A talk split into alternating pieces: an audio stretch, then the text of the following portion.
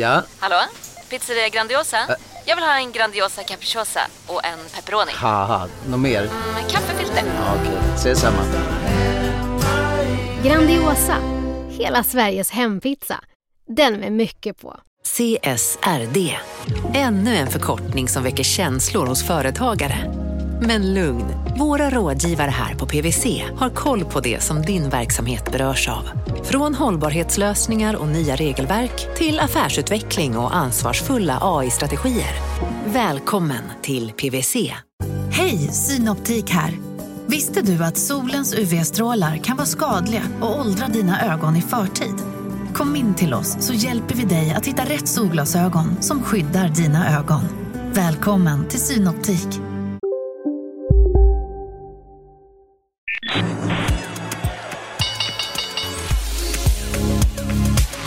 Här är Affärsvärlden Magasin med Helene Rådstein. Säger du på engelska Morris? Nei, jeg gjør jo ikke det i Norge, så, så, så sier jeg Morris. Jeg ruller r-ene. Ja, du gör det? Ja. Ja. Det gör man i Norge också generellt, eller? Ja, man gjør det. Jeg tror det. Jag säger hej och hjärtligt välkomna till podden Affärsvärlden Magasin. Jag heter Helene Rothstein och nu sitter jag här med Alexandra Morris som är investeringsansvarig på Skagen Fonder. Välkommen hit! Tusen takk. Du kom fra Stavanger i går. Det gjorde jeg, ja. Ja. Nydelig dag i Stockholm i dag. Kan du si bare noe om Stavanger? Hvorfor bor du der, eller har kontor der, eller? Jeg har pendlet til Stavanger i syv år, Ja. og var vel litt skeptisk til å komme til eh, Stavanger i starten, men jeg har blitt positivt overrasket. Det er en fantastisk by. Det er jo eh, oljehovedstaden i Norge. Det er mange fantastiske store eh, innovative selskaper, eller bolag, eh, med veldig mange internasjonale eh, mennesker som da bor der. Og så det er mye uteliv, restauranter, aktiviteter. Og samtidig så har du den småbyfølelsen med gammel arkitektur. Det låter ganske unikt på noe sett. Det er liksom internasjonalt affærsfolk og de som arbeider ute på oljeriggen også, eller? I Stavanger? stort, stort sett eh, så jobber de jo på kontorer i eh, Stavanger. Det er ikke så mange på oljeplattformer lenger, selv om det selvfølgelig er stor aktivitet, helikopteraktivitet ut til eh, plattformer også. Det er jo også Nordens oljehuvudstad. Vi har jo ingen annen hovedstad huvudstad på oljesiden direkte. Nei, det har du helt rett i. Ja. Du er jo investeringsansvarig på Skagen Fonder. Hva gjør du hele dagene? Ja, min oppgave er jo først og fremst å legge til rette for at forvalterne kan gjøre en god jobb. Ja. Eh, Så gi dem et helikopterblikk på sakenes tilstand, og at de har de verktøyene som trengs. Eh, Akkurat som en toppidrettsøver eh, trenger en eliteutøver. En i kapitalforvaltningen en stabil plattform. Och vad innebär det då om man skal prestere då som en elitidrottsman? Vad innebär det då att, för plattform som man behöver i praktiken? Ja, så, så lenge de eh, forvalterne følger loven og mandatene sine og investeringsfilosofien vi har, så holder jeg meg egentlig mest mulig unna. Fordi vi har veldig gode prosesser for selskapsanalyse, for porteføljekonstruksjon, som ivaretar eh, god risikostyring og diversifisering. Det viktigste er jo at kundene kjenner seg igjen i de produktene vi forvalter. Altså vi kaller det VisiVig. What you see is what you get. Ja, okej, att det ska vara väldigt transparent, eller? Riktig. Okej, som jag förstår det då, de får en väldigt stor frihet. Det verkar vara ganska svårt också att vara chef över förvaltare. Generellt altså. Tycker du det? Eh, nei, det er eh, et privilegium å være sammen med såpass eh, intelligente og ambisiøse kolleger som virkelig bare tenker på å skape god avkastning for kundene sine på en god risikojustert måte. Om jeg tittar på deres hemsida så så jeg at fem av seks fonder som ni har, de har presterat sämre än index om man blickar tilbake fem år. Du som er investeringsansvarig, hva sier du om det her? Nei, jeg sier jo at det er riktig. Eh, selvfølgelig er vi ikke fornøyd med det. Eh, Skagen er en verdiinvestor. Det vil jo si at vi investerer i forretningsmodeller som tjener penger i dag, og verdsettes på det de tjener nå. I motsetning til vekstaksjer som verdsettes på framtidig forventet inntjening. Siden finanskrisen så har penger gradvis blitt billigere, og til slutt helt gratis. Noe som har drevet opp verdsetting av framtidig eh, forventet vekst til veldig svært høye nivåer. Så, så du mener ni har ligget litt fel i, i tiden her, når, man har, när tillväxtaktier har tjent så mye på oppganger tidligere? Det kan du si, eh, men vi er verdiinvestorer. Vi er langsiktige verdiinvestorer. Vi tror at det er det beste i det lange løp. Eh, så, men det er helt riktig. altså Våre aksjer, som typisk har etablerte forventningsmodeller med inntjening her og nå, har blitt hengende etter. Eh, men det siste året så har vi sett en dramatisk vending, faktisk, med inflasjon, renteheving og slutten på helikopterpenger. Så jeg tror at ørkenvandringen for verdiaksjer de seneste ti årene nå er over. Eh, og vi går en spennende tid i møte. Man har jo pratet om det her skiftet da, fra tilvekst til verdiaksjer. Og hva skal vi si, hva har vi for eksempel da på verdebolag? Ja, som jeg sa, verdebolag er jo de som tjener penger her og nå. Så det er typisk industriselskaper, råvareselskaper, banker, forsikring. Eh, og da i motsatt ikke teknologi som eh, ofte har veldig høy vekst, forventet vekst i fremtiden. Hvor langt har vi kommet til det skiftet? Og vi har nettopp begynt. Vi har bare begynt på det? Vi har bare begynt, ja. Aha. Hvorfor tror du det? Altså For det første så kan man jo, eh, eller tror vi, at eh, vi er ikke bare i en periode med svært høye, høyt prisete vekstaksjer, men vi er i en ganske nær bobletendenser. Så det fallet vi har sett nå, er, er ikke nok til å ta inn over seg til å komme tilbake til normal. Samtidig som verdeaksjer har vært unormalt lavt priset, og har bare begynt å ta igjen det tapte etter dette tiåret. Så når penger nå blir dyrere igjen altså vi, Det er jo det som er på en måte vår grunntanke her, at penger skal ikke være gratis. Eh, for så lenge penger er gratis, så vil de bli dyttet inn i ulønnsomme prosjekter. Og det ser vi nå falle. Vi har jo sett det svært, eh, svært store fall, tror jeg, i eiendomssektoren i Sverige blant annet. Det er fastighetssektoren? Fastighetssektoren, ja. Mm. Eh, der man har sett store fall her i Sverige. Det låter jo veldig eh, bra det du sier, at pengar skal ikke være gratis. Da hamnar de på fel ställen helt enkelt. Om pengar er gratis, mener du? Att, eh, ja, for det er ikke noe risiko lenger. Nei, jeg forstår. Kan du si noen enskilde case som du tror på her eh, og nå? Enligt er filosofi? Eh, jeg har jo ikke direkte ansvar for investeringer selv, så jeg har Nei. faktisk konferert meg her og forberedt meg ah, okay. med en, ah. en kollega. Ah. Og eh, det er jo da innenfor bank, som da er typisk hverdagsje, så, så er Nordea ser veldig interessant ut. De har hatt et skift i toppledelsen. Og for, får jeg oversette det? De har byttet ledningen? Eh, byttet uh, ledningsgruppen. Ja. ja, byttet ledningsgruppen. Ja. Og har endelig funnet den riktige balansen mellom fortsatt effektivisering av kostnadene, samtidig som det investeres i vekst. Og vi forventer at denne utviklingen vil fortsette, og resultere i fortsatt høyere profitabilitet.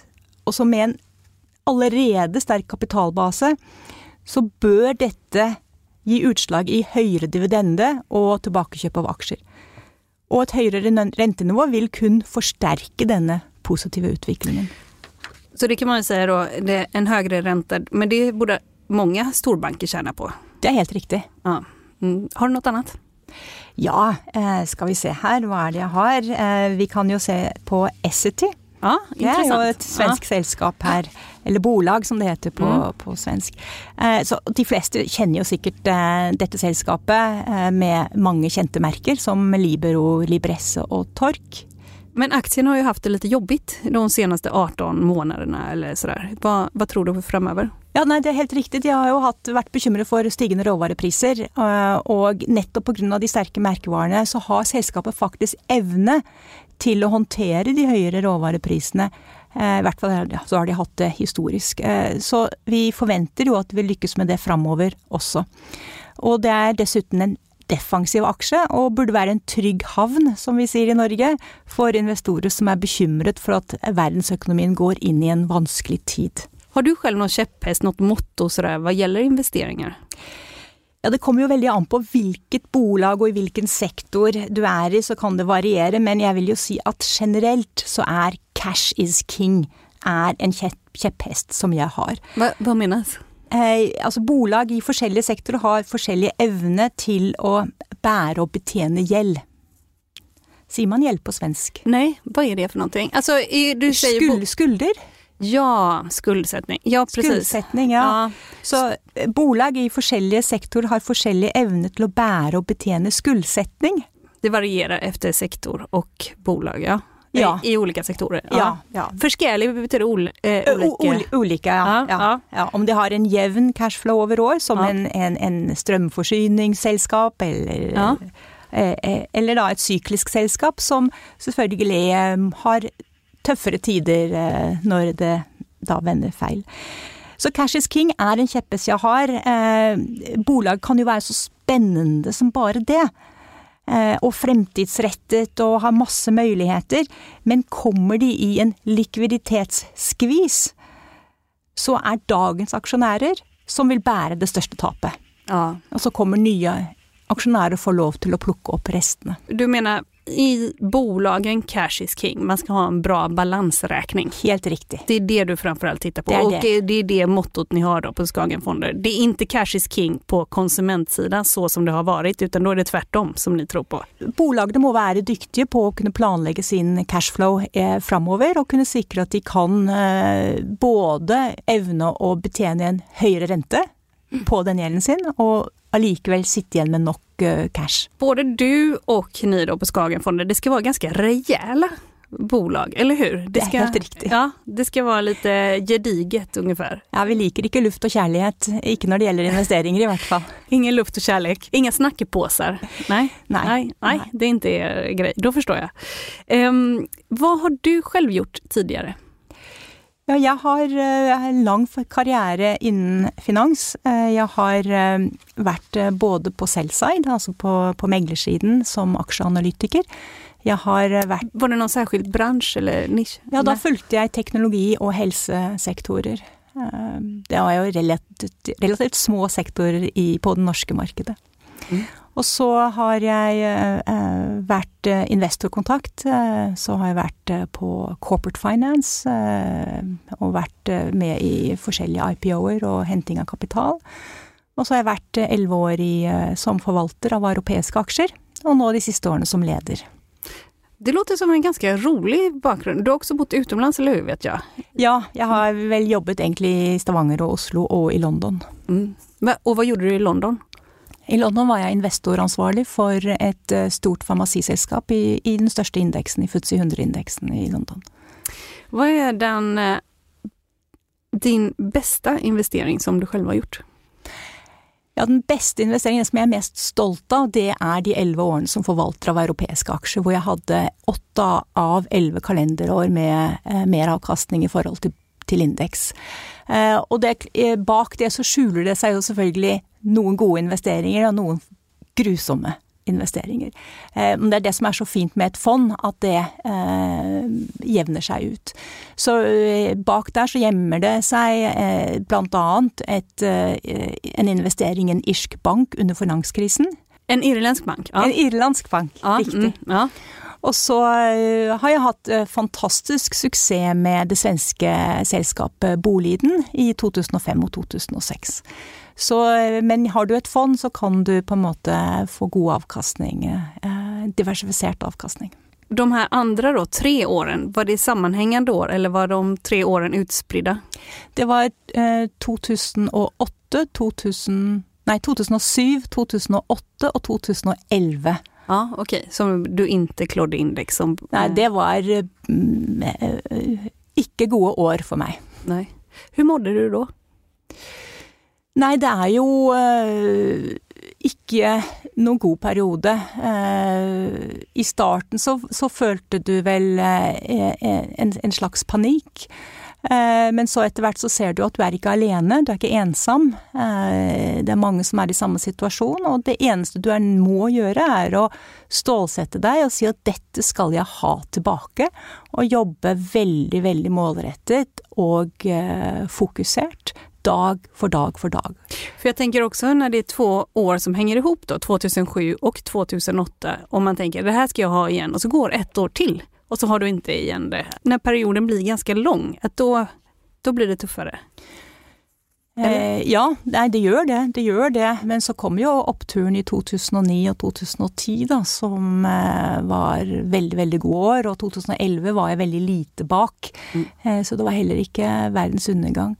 Men jeg tror nok det er det at du, du, er sammen med kollegaer i samme båt, og man støtter hverandre, og man jobber hardt og fokusert, som sagt. Eh, så kommer man gjennom det. Man er ikke alene, og man må stole på seg selv at man gjør det riktige. Du lyssnar på Affärsvärlden Magasin med Helene Rådstein. Marknaden sponsras av SPP, pensionsbolaget. Eh, förra gången pratade vi lite om ITP. Och som en kort repetition så, så var det ju 70-tal, arbetsmarknadens parter bestämde att alla tjänstemän ska ha en tjänstepension. Man kom överens om vilka villkor som ska gälla i den här pensionen och så kallade man den för ITP. Så jobbar man idag som tjänsteman i ett företag med kollektivavtal, då har man förmodligen den här pensionen, ITP-pensionen. Eh, och det är ju så att man kan påverka eh, den här pensionen, hur den är placerad. Vart femte år så gör nämligen Collectum, som de heter, en enorm upphandling där olika pensionsbolag kan ansöka om att få förvalta eh, de här pensionerna. Och SPP är ett av bolagen som valdes ut i den senaste upphandlingen. Och sen kan du som pensionssparare välja eh, vilket av de här olika pensionsbolagen som, som då ska få ta hand om dina pengar. Och tanken med den här upphandlingen är ju att liksom kvalitetssäkra de här olika alternativen eh, men också att förhandla fram stora rabatter så att pensionsspararna ska få ja, kunna spara pengar genom att avgifterna eh, som är så viktiga eh, blir eh, lägre. Och vill man välja någonting i ITP-systemet då finns det en relativt ny sajt som heter avtalat.se. Ehm, där kan man gå in och se hur sin ITP-pension är placerad. Jag gjorde det häromdagen faktiskt. Ehm, idén är att hälften av pengarna alltid ligger i något som kallas för traditionell försäkring. Det här gjorde vi ett avsnitt om i podden Kapitalet nyligen eh, som vi kallade världens bästa sparform. kan man lyssna på om man är intresserad. Eh, den andra halvan eh, den kan man också lägga i en traditionell försäkring eller så kan man placera det i något som kallas för fondförsäkring. Eh, SPP som sagt eh, var ju ett av de fåtal bolagen som valdes ut i den senaste upphandlingen och de finns med som alternativ både med en traditionell försäkring och med eh, fonder. Så det var en liten bakgrund till ITP-systemet. Vill man läsa mer om det här eller typ kolla hur ITP-pensionen är placerad, eh, kanske göra förändringar, då går man in på avtalat.se Eh, men tack säger jag till SPP som vill göra oss människor mer medvetna om hur enormt viktig pensionen är för oss som en framtida lön, men också som en positiv kraft i samhället eh, och förstås för att ni möjliggör eh, den här podden Marknaden. Du sa tidligere at du tror at mange bolag kommer presses ned ytterligere. At fallen i vissa fall bare har börjat. I det här läget så finns det ju också ganska många som är nya in på børsen. Ja. Vad vill du säga til dem? Hur skal man tenke her? Jeg tror det viktigste er å ta lärdom. Eh, det var jo det jeg gjorde da i 2007 Etter at du kanskje kjenner at du eh, flyter på en bølge. Det er ingenting som går feil. Og så plutselig så får vi et, eh, en, en 20 eh, nedgang i børsverdier, som vi har hatt nå. Eh, så kan man føle seg litt maktesløs. Men det viktigste er da å lære av dette her. Hvorfor faller børsen? Hva, hva var det jeg gjorde feil? Og det mange gjør feil, tror jeg, er at de hopper på momentumaksjer. Aksjer som er populære her og nå. Og blir da kanskje veldig skuffet når den ballongen eh, får hull i seg, da, og faller sammen. Så det er eh, veldig farlig å være med på momentumaksjer, som vi har sett de siste årene, hvor det bare har gått én vei. Vi hadde ESG-aksjer i 2020, eh, tror jeg det var, eller var det i, i fjor, det husker jeg ikke helt. Hvis man tror at man skal være dyktig og hoppe av i tide, sånn the greater fools theory, så eh, får man kanskje ta det inn over seg og tenke over neste gang skal jeg i hvert fall ikke prøve å investere i sånne momentumaksjer eller veldig høy vekstaksjer som, eh, altså, som, som lover mye om fremtiden, og som ikke kan holde ord. I Sverige har vi hatt veldig mange ungdommer og nye som kommet inn på børsen og sådär. Hvordan ser det ut i Norge? Er det liksom en børsinteressert ungdom? Har det vært det? Ikke på samme måte som i Sverige. Altså, Sverige jo, ligger jo i verdenstoppen. Jeg tror det er åtte av ti eh, svensker investerer i fond.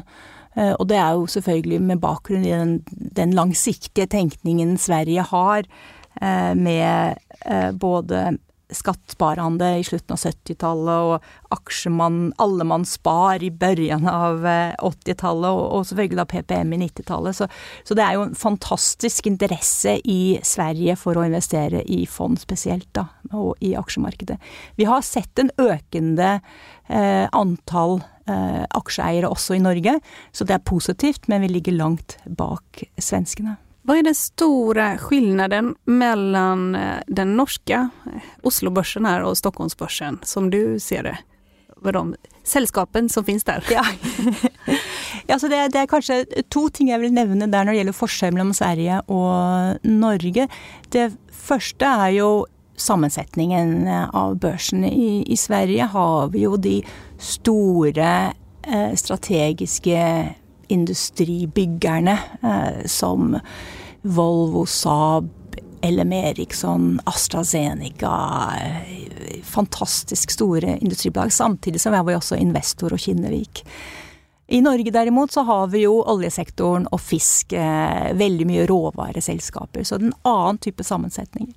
Det andre som er annerledes, er jo eierskapet til selskapene. Norge har jo Jeg mener at Norge har det nest største statlige eierskap i norske bolag etter Kina. Altså du sier jo at norske har det andre største statlige eiendet etter Kina. Er det så? På... Det er så, ja. Nei. Staten eier mye av den norske børsen. Kommer det holde i seg, tror du? Fins det en debatt om dette i Norge? Ja, det er en stor debatt uh, om dette i Norge. Og det er jo også et politisk tema hvor mye skal staten eie og styre selskapene. De er jo veldig store deler av Equinor, som er det store oljeselskapet på børsen. Før dette Statoil? Nettopp riktig, Statoil. Ja. Og så er det av DNB, den største banken i Norge. Og det er klart at man eh, kan jo føle at det er interessekonflikter og konkurransevridning i forhold til andre lignende selskaper på børsen. Eh, men også gjennom pensjonssystemet så eier Folketrygdfondet mye av den norske børsen. Så är det ju i Sverige också, att mycket av pensionskapitalet ligger också på börsen ju. Ja, ja. Vi har jo også det oljefondet i Norge, da. Eh, og Statens petroleumsfond utland, som det heter. Eh, det investerer ikke i Norge, men kun i utlandet. Og de eier vel i snitt ca. 1% av alle selskaper, alle bolag i verden.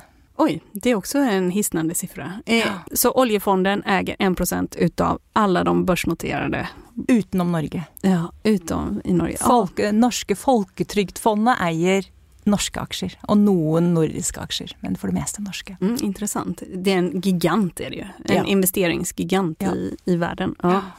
Du tror at eh, vi kommer se børsen tappe mer, men vi har også en veldig kjenslig børs. Man har sett eksempel når, ikke minst i USA, når det har kommet amerikanske rapporter, så har man jo sett kraftige fall. Det har jo vært en slags överkänslighet så att säga. Tror du at, håller du med om at det finns en överkänslighet just nu? Ja, absolutt. Mm. Det er jo eh, en spennende tid. Jeg tror nok de fleste som er født etter 1990, de, de eh, vet jo ikke hva det vil si å ha inflasjon eller høyt rentenivå. Mm. Eh, så det er klart at det er en spennende tid, og markedene er jo da svært volatile. Eh, vi er jo nede i bjørnemarkedet, som det heter. Eh, så store svingninger både opp og ned på daglig basis, og det er lenge siden vi har hatt en så markant volatilitet, som det heter. Så jeg begynte å snakke om faren for inflasjon for to år siden, og det faktum at penger faktisk må ha en pris. Vi trodde heller ikke den skulle være bare forbigående. Eh, det eneste måten å bekjempe inflasjon på, er jo å få renten opp, eh, og få ned etterspørselen eller den aktiviteten i økonomien. Så det må bli, må bli slutt på gratis penger, eh, som da finner veien i ulønnsomme prosjekter og bolag.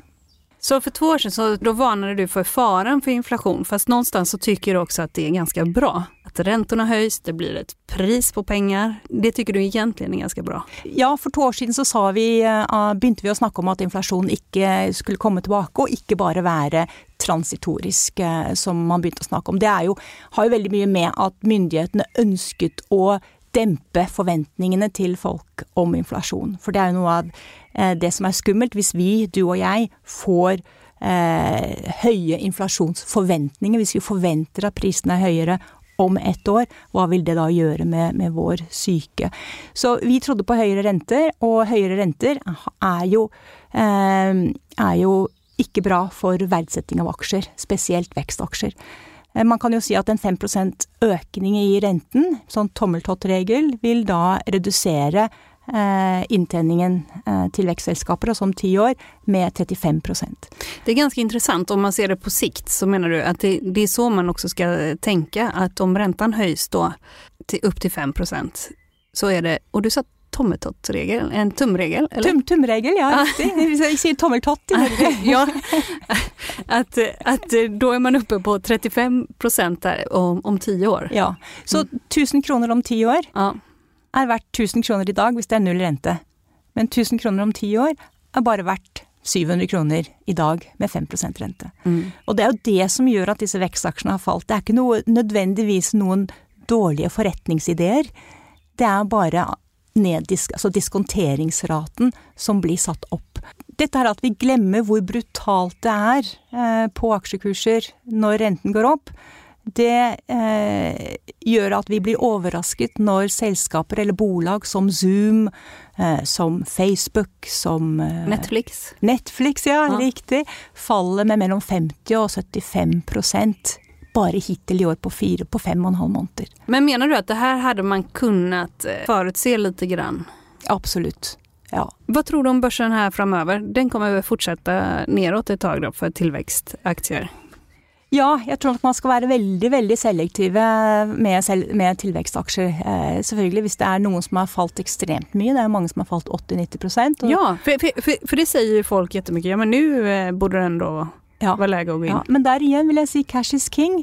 Se på hvilke investeringsbehov selskapet har, eller bolaget har framover. Se på hvilken evne de har til å overleve de neste årene, og før du eventuelt gir deg ut på en investering der. Men, men, for å si hva er det som skal eh, få slutt på denne volatiliteten vi ser nå i dag? Når, hvor er bunnen? Eh, er jo det store spørsmålet. Og da tror jeg vi må se på hvilket nivå er det egentlig inflasjonen vil toppe seg? Man trodde jo nå i juni eller i mai at inflasjonen skulle toppe og, og inflasjonen skulle begynne å komme ned. Så viste det seg det motsatte med de siste inflasjonstallene som kom, var høyere enn forventet. Så det gjør man urolig. Hvor, når er toppen på det? Og hvilket rentenivå må vi ha for å stagge inflasjon, for å stoppe inflasjon og få kontroll på in, eh, inflasjon. Så det er, tror jeg er svært viktig, og at vi får trygghet i at ok, i september så faller inflasjonen, og et rentenivå på X eller Y vil være nok. Da skal man inn og kjøpe aksjer. Eh, og så er det selvfølgelig andre ting man også må følge med på, eh, som har påvirker markedet, og det er jo utvikling av krigen i Ukraina. Eh, vil den eskalere, eller vil vi få en slags fredsavtale? Eller vil vi få en langvarig skyttergravskrig uten noen kortsiktig løsning? Det er ikke alle som syns man skal ha freds med, bare avtale. Ja, ja det er ja, helt riktig. Ja, faktiskt. Ja, det, det, men det er en parentes. Men du mener også at det er så usikkert just nå, og framforallt hvor inflasjonen kommer lande någonstans. Når liksom slår vi taket, og ikke før man vet det, da kan man gå inn og investere. Ja. Vi har, vi har, jo også dette med covid i eh, Kina som ja. Eh, ikke tar slutt, eh, og man har fortsatt nedstengninger og problemer med supply chain. Hvis vi ser en slutt på det, så vil det også hjelpe, for da kommer konsumentene i Kina på vei tilbake. Eh, og da vil man se en bedring. Det verste for aksjemarkedet er uroligheter. Eh, det liker vi ikke. Vi vil ha forutsigbarhet. Mm, man vil ikke at det skal være usikkert, nei. Riktig. Nei. Om du skal få si tre sektorer som du tror på nå, kan du si det, og hvorfor eh, du tror på dem? Ja, da kan jeg jo uh, si uh, velge de følgende sektorene. Hva med råvarer og energi? Så, sier du så for du kommer fra Norge? Råvarer og energi. Ah, ah. Jo, jo, jo. jo. Ah. Endelig så går den norske børsen bra. exakt, for vi har råvarer og energi. Det er helt riktig. Nei, det er ikke derfor jeg sier det, men det er fordi at jeg tror på det. Ok, ja, utvikle det, da. Eh, så, så altså det, det, som er viktig her å huske på, at ja, råvarepriser og energipriser har jo gått til himmels, men det man underskatter, tror jeg det er at det har vært mange år underinvesteringer i disse sektorene. Så kombinert med fortsatt eh, tilbakeholdenhet eh, blant eh, bolagene å investere mer, så tror jeg eh, vi vil ha et veldig stramt marked. altså det vil være for lite kapasitet til den etterspørselen som er der ute. Ja. Det er underinvesteringer, og etterspørselen har samtidig eskalert. Ja, kan man si. Det er. Mm. Det er riktig. Og det vil nok vare en stund. Mm. Så, så bolagene får mye cash in, och så vil de bruke den cashen på å gi større utbytte og tilbakekjøp av aksjer. Og muligens også etter hvert investere i ny kapasitet dersom de, man tror at her, den økende etterspørselen vil vare. En annen sektor er jo bank og forsikring. Vi snakket jo nettopp om eh, Nordea. Og det er jo en sektor hvor profitabiliteten har vært plaget av det lave rentenivået. Og mye tyder på at vi skal ha et høyere rentenivå framover. Noe som kommer til å gagne disse bolagene. Og sammenholdt med en generell lav verdsettelse gir det gode muligheter for en god framtidig avkastning. Vent, det her siste eh, jeg ikke. Men... Ja, altså inntjeningen intjäningen ja. er god og vil bli bedre. Ja. Og verdsettelsen, prisen på selskapene eller på bolagene er lav. Så det er en god kombinasjon. Ja. Økende inntjening med lave aksjekurser. Det er en god kombinasjon. Ja, jeg forstår. Mm. De är undervärderade också just nu då? Riktigt. Ja, ja. Bank och försäkringsbransch. Ja. ja. Och det sista jag har lust att trekke fram är inte en sektor, men det är ett en geografisk område, och det är faktiskt framvoksende ekonomier. Eh, så efter ti år med eländig avkastning handlar dessa marknader till en historisk hög rabatt. Alltså emerging markets? Emerging markets, ja. Mm. Det er viktig å huske på at vi har ikke sett den positive økonomiske effekten av en gjenåpning av økonomien i spesielt Asia. Så det vil jeg trekke frem som et svært spennende område hvis de nå får covid under kontroll.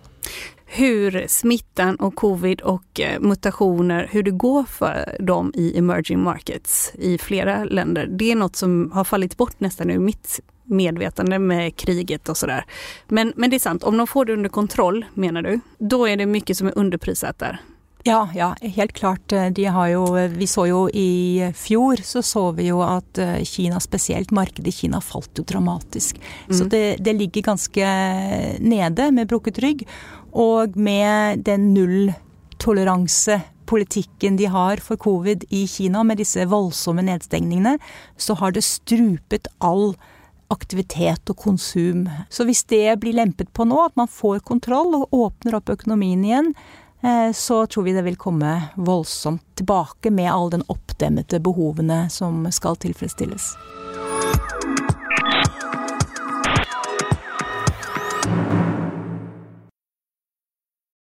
Eh, marknaden sponsras av Karla. Eh, vi pratar ju en hel del om bilar här på kontoret. Karla har ju skapat, skulle jag säga, det som är standarden för hur man idag köper och säljer bilar på nätet. Eh, kort bakgrund bara. Eh, Karla säljer och leasar begagnade elbilar eh, och laddhybrider på karla.se. Alltså en helt eh, digital upplevelse. Och man har gjort det här med ett nästan maniskt fokus på vad en bilköpare faktiskt behöver.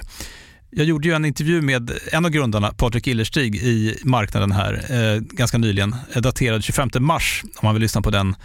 Eh, men där berättar han hur de kom in i det här lite från vänster för att försöka uppfinna hela den här liksom bilköpupplevelsen från början.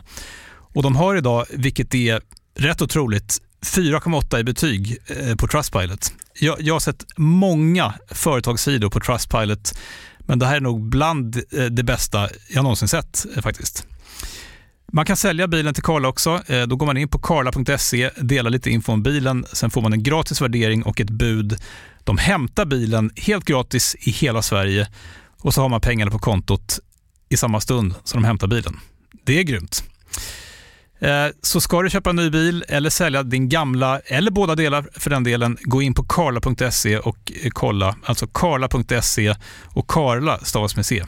Tack så mycket till Karla. Alexandra, jag har egentligen en princip och det är när jag intervjuar kvinnor inom finans så pratar jag aldrig om att de är kvinnor. För jag tycker varför ska man prata om det hela tiden för? Män behöver inte prata om att de är män hela tiden när de intervjuar. Så jag brukar liksom undvika det och inte göra det. Men nu tänkte jag göra ett undantag. Och ja. det är för att det finns ett projekt här som heter Charter som du har varit ganska drivande i. Kan du ändå berätta lite om det? För det verkar vara relevant också för finansbranschen, eller hur? Ja, absolutt. Eh, jeg er veldig enig med deg i prinsippet. Jeg har vært eh, i finansbransjen i 30 år. Mm. Hatt en fantastisk reise. Aldri tenkt over at jeg er kvinne og mine kolleger er menn. Jeg har hatt en vanvittig morsom eller gøyal reise, rolig reise sier man vel på svensk. De siste årene så har jeg tenkt hvorfor er det ikke flere kvinner i denne fantastiske bransjen vi har? Og det har inspirert meg til å gjøre litt ekstra. Så jeg har gjort på, på mange fronter, men det som er spesielt som du eh, refererer til, er jo et charter. Og da jeg, må jeg bare tilbake til eh, at um, Women in Finance Charter ble innført i Storbritannia etter at produktivitetskommisjonen Lord Davis Review konkluderte at flere kvinner i ledende posisjoner i næringslivet ville bidra til høyere produktivitet. Og noe også McKinsey har forsket på og regnet seg fram til et tall, faktisk. De sier at vi går glipp av 12 trillioner dollar i verdiskaping fordi vi ikke har bedre kjønnsbalanse. Hvor mye gikk man miste om for at man ikke har bra kjønnsbalans, sa de? 12 trillioner dollar. Ja, ok. Mm. Så derfor var jeg i spissen for å kopiere dette engelske charteret til norske forhold, og fikk støtte av sjefen i oljefondet, Nicolai Tangen, finansministeren i Norge, Jan, Erik, Jan Tore Sanner, og alle foreningene, eh, Meglerforeningen, Fondsforeningen eh, osv. innen finans. Så nå, etter bare ti måneder, så er 57 finansbedrifter i Norge innen megling, kapitalforvaltning, venturekapital, bank og forsikring med. Og de har forpliktet seg, det er veldig enkelt charter, men de har forpliktet seg da til å sette mål på kjønnsbalanse, utpeke en i toppledergruppen med ansvar for charteret, for da blir ting gjort, og offentliggjøre målene og gi en årlig statusrapport, og påse at måloppnåelse kommer til uttrykk i lønns- og bonusfastsettelsen. Og det er også flere som har gitt uttrykk for at vi bør lansere dette charteret i Sverige og Danmark også. Men med bare én ansatt, eh, som ikke er meg, eh, konsentrerer vi oss først, i første omgang på Norge, men Watch the space. Kanske vi kommer till Sverige snart. Okej, ja, då håller vi utkik efter det. Och jeg jag säger stort tack till dig Alexandra Morris som är investeringsansvarig på Skagen Fonder. Stort tack för att du kom och gästade oss här på Affärsvärlden Magasin. Tack ska du ha Helene. Du har lyssnat på podden Affärsvärlden Magasin med mig Helene Rothstein. Den här podden den är tillbaks om en vecka. Håll ut, hej då!